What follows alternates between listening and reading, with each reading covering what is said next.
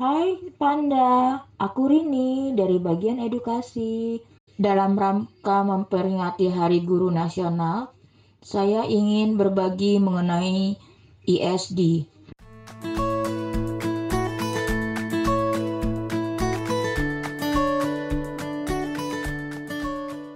ISD ini adalah program uh, dari UNESCO untuk pendidikan. Beberapa tahun yang lalu, mungkin di tahun uh, 80-an ke atas itu kita kenal dengan environmental education.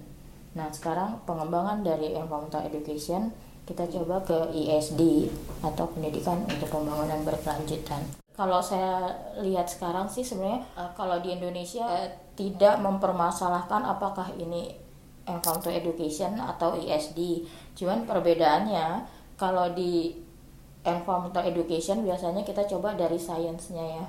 Dari sains kemudian di ditindaklanjuti ke eh, pendidikan. Kalau sustainable development sendiri kan kita pasti tahu ada tiga pilar yaitu lingkungan, sosial sama ekonomi di mana tiga komponen ini harus sama-sama berkembangnya seperti itu. Nah, kalau II atau environmental education itu belum menggunakan itu. Jadi tujuannya memperdayakan manusia untuk mengubah cara mereka berpikir dan bekerja menuju masa depan yang berkelanjutan.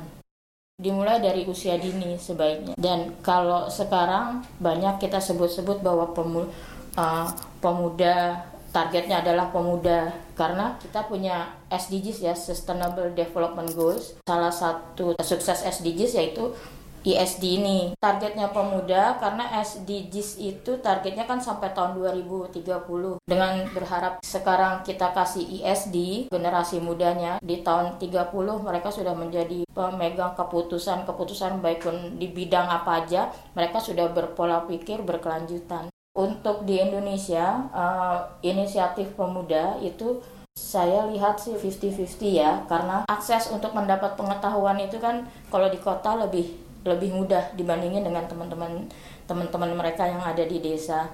Dengan adanya program-program pembinaan pemuda kita kita punya program EH Earth Hour kita juga punya Borneo Youth Program.